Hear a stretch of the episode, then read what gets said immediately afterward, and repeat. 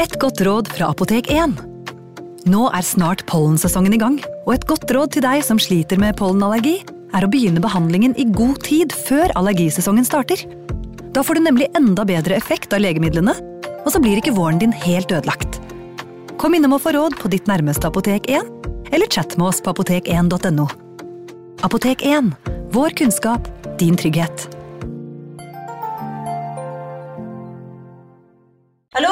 Jeg kommer fra Oslo politikammer. Ine Jansen er purk. Er du purk? The motherfucking bitch. Alt jeg vil, er å finne ut hva som skjedde med mannen min. Jon Carew. Er jeg sikta for noe? Iben Akeli. Det er du. Ole So, Lars Berrum og Big Daddy Karsten. Hvem sin side er du på, egentlig? Anette Hoff, Tone Danielsen, Kommer du fra Afrika? Jørnis Josef, Nesten kløfta. Trond Espen Seim, Det er synd å si det, men det var feil mann som døde. Purk. Premiere tirsdag på TV2 Play. Ungsamtalen fra DNB er økonomisk veiledning tilpasset deg som er ung. Bokk en ungsamtale på dnb.no. slash ung. Det er kjempebra hvis du skal inn på boligmarkedet, hvis det er drømmen din, liksom. Det er det du skulle sagt. Og så kunne du ropt litt mer, da, sånn som jeg gjorde. Bam! Advarsel. Denne podkasten inneholder skildringer av ekte drap og kriminalsaker som kan være støtende for enkelte. Det advares også mot sterke inntrykk i deler av episoden. Henry Peavy gikk nedover den mørke gaten mens han tente en sigarett. Det var ikke blitt lyst ennå, men han kunne fremdeles se de flotte luksusleilighetene på hver side av gaten. Det var lys i noen få av vinduene, men de aller fleste lå fortsatt mørke og stille. Av og til pleide han å late som han bodde i den gaten, og at han var på vei hjem til seg selv etter en lang natt på byen. Han flirte litt av seg selv, for han visste jo at det aldri kom til å skje. Denne delen av Los Angeles tilhørte filmeliten. De som hadde så mye penger at de ikke visste hvor de skulle gjøre av alt sammen. En som han ville aldri få råd til en leilighet som disse. Men han kunne i det minste drømme seg litt bort. Det kunne ingen nekte han. Peavy svingte inn på Alvarado Street og stanset utenfor nummer 404B. Der sto han og kikket opp på leiligheten. Lyset i stuen sto på. Det måtte bety at Mr. Taylor allerede hadde våknet. Som Mr. Taylors tjener foretrakk han å være på plass før sjefen var våken. Han pleide å ha frokosten klar. Peavy slapp sigaretten i bakken og tråkket på den før han tok et par raske skritt mot døren til leiligheten. Da han sto foran den, banket han fast og bestemt. Han hadde fått nøkkel, men hvis Mr. Taylor var våken likevel, ville han sikkert foretrekke at Pivi ikke bare buste inn. Da ingen kom for å åpne, banket Pivi igjen. Heller ikke denne gangen fikk han noe svar. Han grep dørhåndtaket og vridde det. Døren gled stille opp. Det første han la merke til, var hvor stille det var der inne. Mr. Taylor var ingen bråkete mann, men det var ikke uvanlig at han nynnet på en melodi eller raslet med avisen. Nå var det ikke en lyd å høre noe sted. Peavy forsøkte å rope ut Taylors navn, men det kom ikke noe svar. Akkurat da la han merke til noe som lå midt på stuegulvet, like innenfor hoveddøren. Peavy snek seg litt nærmere og fikk se at det var Mr. Taylor. Han lå utstrakt på teppet, fremdeles fullt påkledd. Peavy forsøkte å snakke til han, men han så ikke ut til å røre seg. Da han kom helt bort, forsto han hvorfor. Der lå sjefen hans, med blod rennende fra munnviken. William Desmond Taylor var død. Velkommen til True Crime Poden.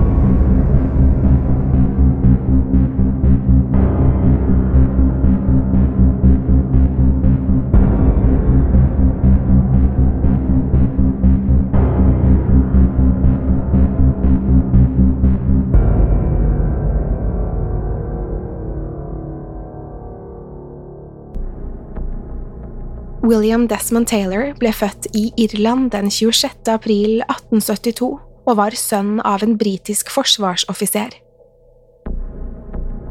Etter å ha tilbrakt ungdomsårene ved Marlborough College i England bestemte Taylor seg for å flytte til Amerika.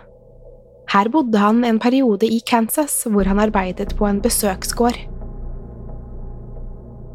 Senere flyttet han til New York, før han endte opp i Los Angeles i 1912. Taylor hadde alltid hatt interesse for skuespill og drama.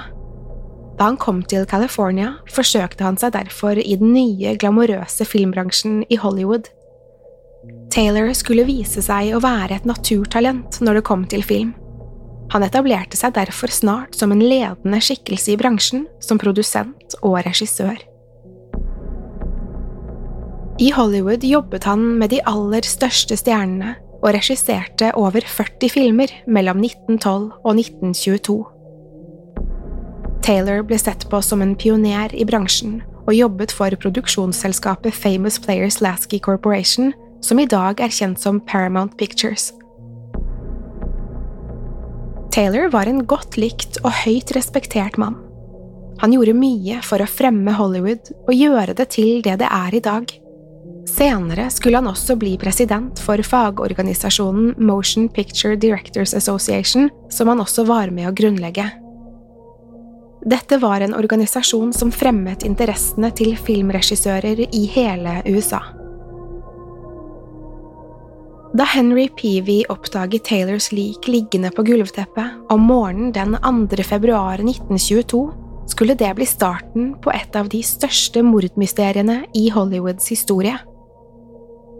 Naboene, som for det meste var andre Hollywood-stjerner, hørte Pivis rop og forsto at noe var på ferde.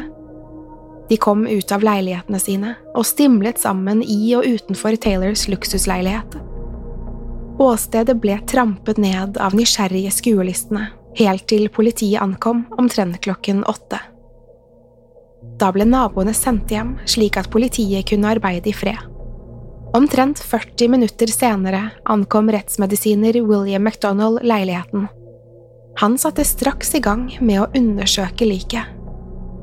Det skulle ikke ta lang tid før han kunne bekrefte at det ikke var snakk om noen naturlig dødsårsak. Da Taylors kropp ble flyttet over på siden, avdekket det nemlig en stor blodflekk på teppet.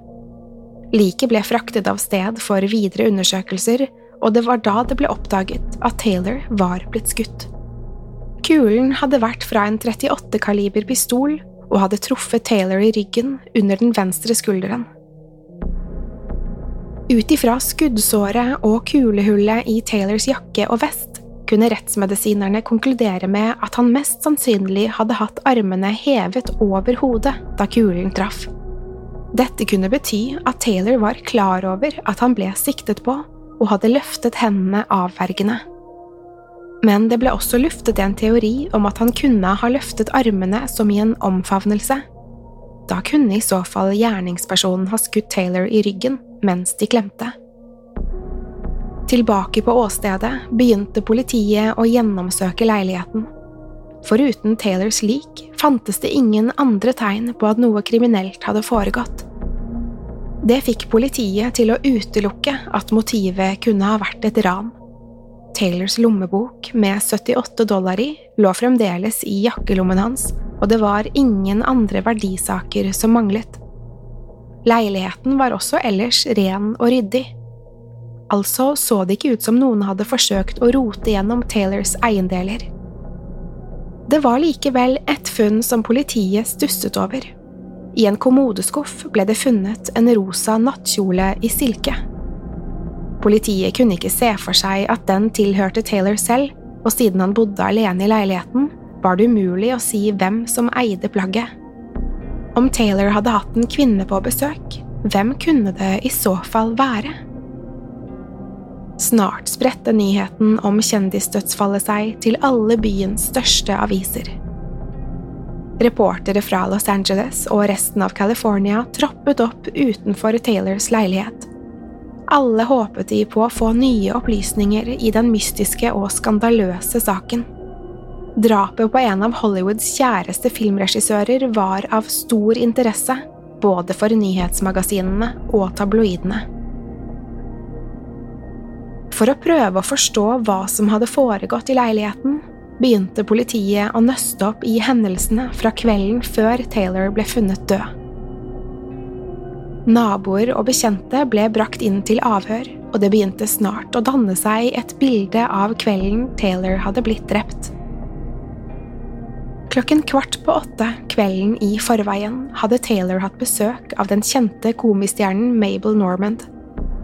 Hun hadde forlatt leiligheten rundt dette tidspunktet og skulle bli den siste til å se Taylor i live, med unntak av gjerningspersonen. De hadde tatt farvel i døren før Norman var blitt kjørt hjem av sin sjåfør. Sjåføren kunne bekrefte at han hadde kjørt Norman helt hjem den kvelden. Omtrent et kvarter senere, klokken åtte, hadde flere naboer hørt et høyt smell som kunne ha vært lyden av et pistolskudd. Men da ingen hørte noe mer bråk etter det ene smellet, ble det avskrevet som noe annet ufarlig. Det var ingen som så for seg at noen hadde blitt myrdet. Derfor rapporterte ingen smellet til politiet. Til tross for dette gikk en av naboene, skuespillerinnen Faith McLean, bort til vinduet sitt og kikket ut. Gjennom persiennene hadde hun fått øye på en mann som sto utenfor Taylors leilighet og så ut mot gaten. McLean hadde ikke sett mannens ansikt tydelig, men hun var sikker på at han var glattbarbert, hvit og middels høy. I tillegg kunne hun se at han var ikledd mørke klær og hatt. I ettertid beskrev hun mannen som en typisk filmskurk. På et tidspunkt hadde den mystiske mannen kikket opp og lagt merke til at McLean sto i vinduet. Han hadde ikke reagert på at han ble overvåket, og hadde snudd seg rolig mot døren til Taylors leilighet, som for å ta farvel. Så hadde han forsvunnet. McLean hadde ikke tenkt mer over det før hun fikk høre om drapet på Taylor dagen etter. Et kvarter etter at naboene hørte smellet, omtrent klokken kvart over åtte, hadde Taylors sjåfør kommet kjørende. Han hadde parkert Taylors bil i garasjen før han banket på for å gi fra seg nøklene. Til tross for at det fremdeles var lys i leiligheten, var det ingen som kom for å åpne. Dermed var sjåføren nødt til å reise av gårde med nøklene. Politiet var sikre på at Taylor var død da sjåføren ankom, og at dette var grunnen til at ingen åpnet. To menn som jobbet på en bensinstasjon like i nærheten, meldte seg på politistasjonen samme dag som de fikk høre om drapet. De kunne fortelle at det hadde kommet en mann inn omtrent klokken seks samme kveld som Taylor var blitt drept. De beskrev mannen på samme måte som Faith McLean hadde beskrevet mannen utenfor leiligheten. Det som gjorde det hele så spesielt, var at den mystiske mannen hadde spurt de to ansatte om de visste hvor Taylor bodde. Dette var altså kun to timer før tidspunktet politiet mente Taylor var blitt skutt. Da politiet ikke hadde noen ideer om hvem den ukjente mannen kunne være, ble de nødt til å gå dypere inn i etterforskningen. Derfor bestemte de seg for å skru klokken tilbake lenger enn kvelden i forveien, for å se om det fantes andre mystiske hendelser i Taylors fortid. Etter å ha avhørt flere vitner fant politiet ut at Taylor hadde vært offer for flere spesielle hendelser den siste tiden.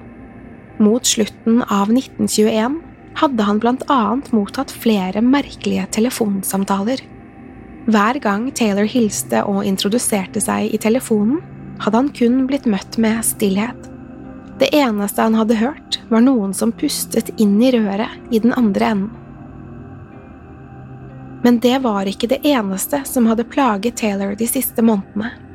Den 4. desember, to måneder før drapet, hadde noen brutt seg inn i leiligheten hans. Innbruddstyven hadde fått med seg flere verdifulle gjenstander, som smykker og dyre importerte sigaretter med gullfilter som Taylor røykte. Til tross for at disse hendelsene var merkelige og skremmende, ga det fremdeles ingen flere svar på hvem som kunne ha tatt livet av Taylor.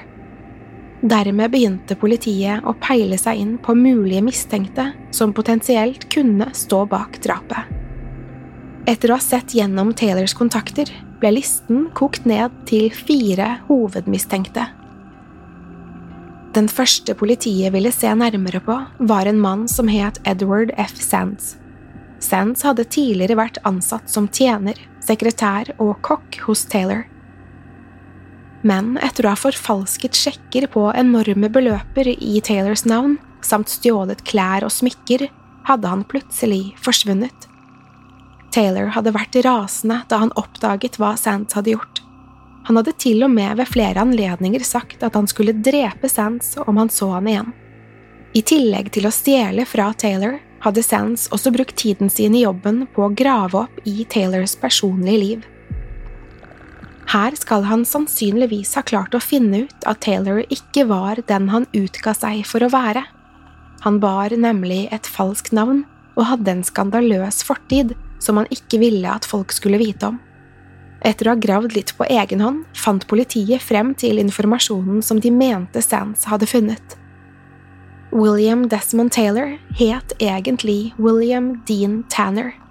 Etter å ha kommet til New York fra Kansas som ung, hadde han møtt en vakker skuespillerinne som het Ethel May Hamilton. De to hadde funnet tonen, og kort tid senere var de gift.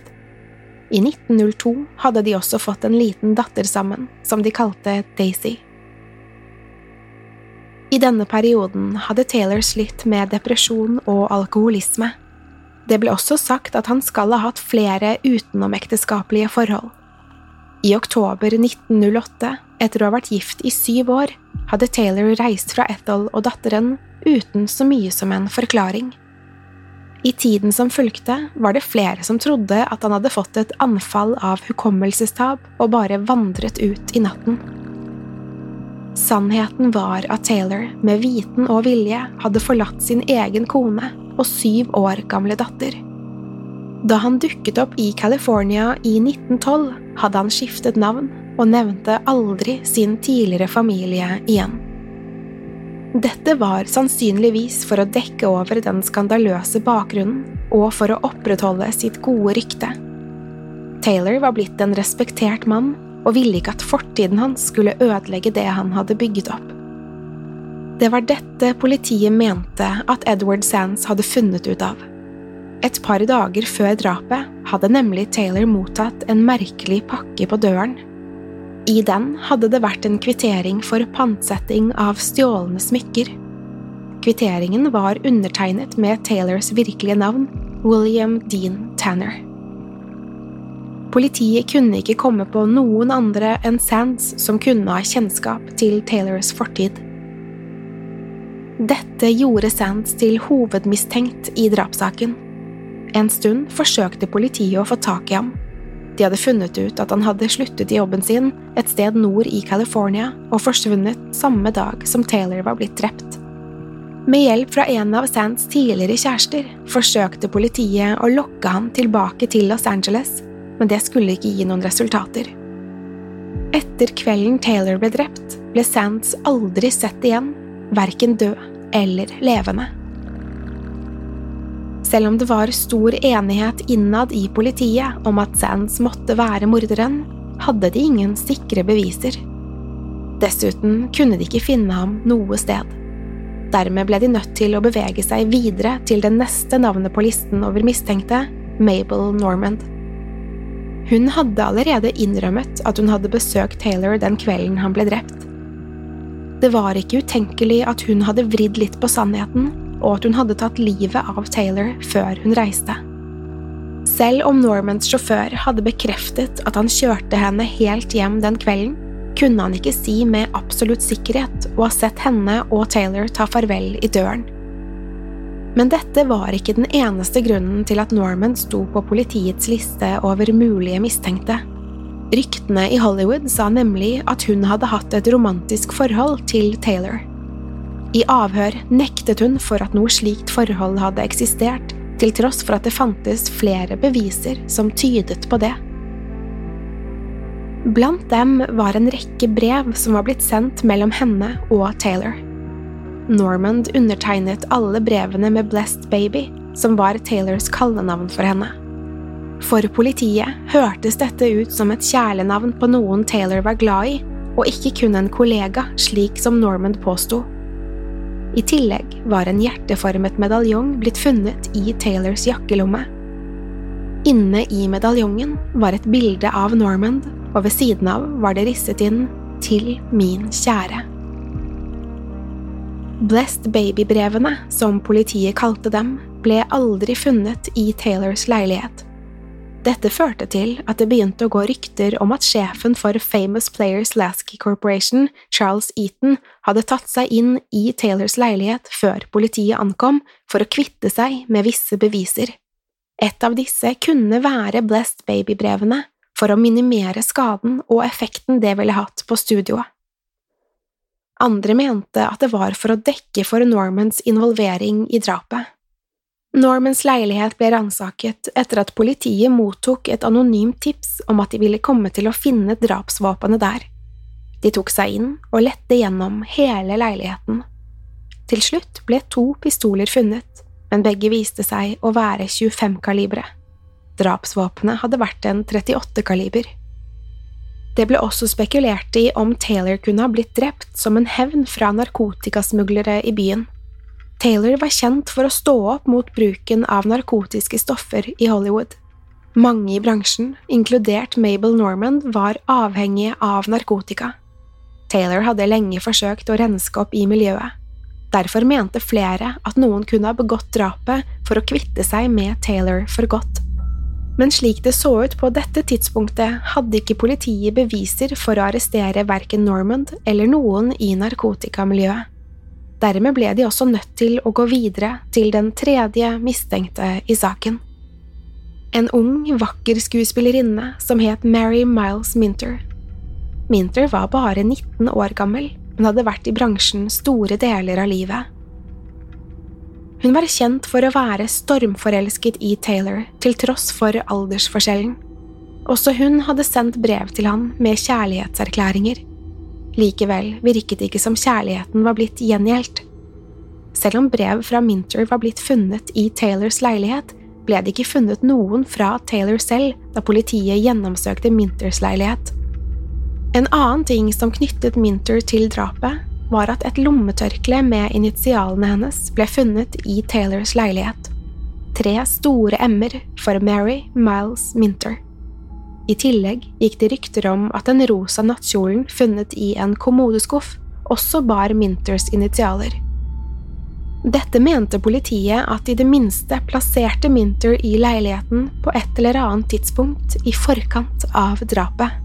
Likevel påsto Minter at hun aldri hadde hatt et intimt forhold til Taylor. Hun innrømmet å ha stått bak brevene, men mente å ikke kjenne seg igjen i verken lommetørkleet eller nattkjolen. Politiet mente at dersom Minter sto bak drapet, så var motivet sjalusi. Det var ikke umulig at kjærligheten hennes hadde blitt så sterk at hun bestemte seg for å drepe da den ikke ble gjengjeldt. Som med de andre to mistenkte fantes det ikke nok bevis for å sikte Minter for drapet. Politiet ble nødt til å innse at det ikke var noe nærmere ved å løse saken nå enn da etterforskningen startet. Likevel fantes det én mistenkt til som politiet ønsket å avhøre. Den fjerde og siste mistenkte var ingen andre enn Mary Minters mor, Charlotte Shelby. Shelby var et klassisk eksempel på en helikopterforelder. Hun hadde presset datteren inn i filmbransjen helt fra hun var et lite barn. Datterens egentlige navn hadde vært Juliet, men Shelby hadde fått henne til å ta over identiteten til en avdød kusine som het Mary Minter. På den måten ville datteren fremstå eldre enn hun var på papiret, og dermed få tilbud om flere filmroller. Grunnen til at Shelby var så interessant for politiet, var at hun skulle ha vært sint på Taylor. Hun trodde nemlig at han hadde et forhold til datteren hennes. Hun hadde ofte konfrontert Taylor, og han hadde forsøkt å overbevise henne om at han ikke var interessert i datteren. Likevel hadde ikke Shelby trodd han, og hadde til og med truet ham på livet flere ganger. Om han ikke lot datteren være, kom hun til å drepe ham. Mange var overbevist om at Charlotte Shelby måtte stå bak drapet på William Taylor, enten på egen hånd eller ved hjelp av en leiemorder. Likevel, som trenden var i denne mystiske saken, fantes det ikke nok bevis for å sikte henne. Politiet fortsatte å etterforske saken en periode, men det virket som en umulig oppgave. Nærmere 100 år er gått siden drapet på stumfilmregissør William Desmond Taylor, og saken forblir uløst den dag i dag. Den har interessert og inspirert krimforfattere og dramaturger i alle år. Historien har alt som en klassisk drapsgåte skal ha – kjærlighet, svik, hevn og en uidentifisert morder. Så hvem tok livet av William Taylor? Var det den griske tyven og tidligere sekretæren Edward Sands? Mannen som forsvant samme dag som drapet ble begått og aldri ble sett igjen? Kunne det være en av de antatte elskerinnene, Mabel Normand eller Mary Miles Minter, som ble syke av sjalusi? Eller var det den hevngjerrige Charlotte Shelby som endelig fikk nok av å kjefte på Taylor og bestemte seg for å ta livet av ham i stedet? Som i historiene til den legendariske krimforfatteren Agatha Christie hadde alle fire motiv. Det er kun et spørsmål om hvem som hadde anledning. Enn så lenge forblir drapet på William Desmond Taylor et av Hollywoods største mysterier.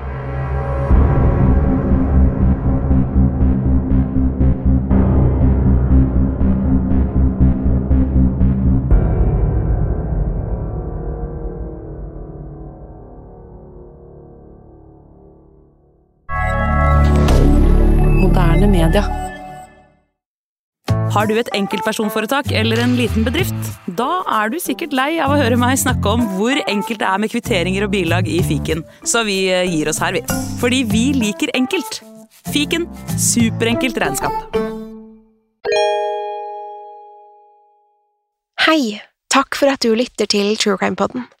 Skulle du ønske at du kunne høre en ny episode av denne podkasten hver eneste uke?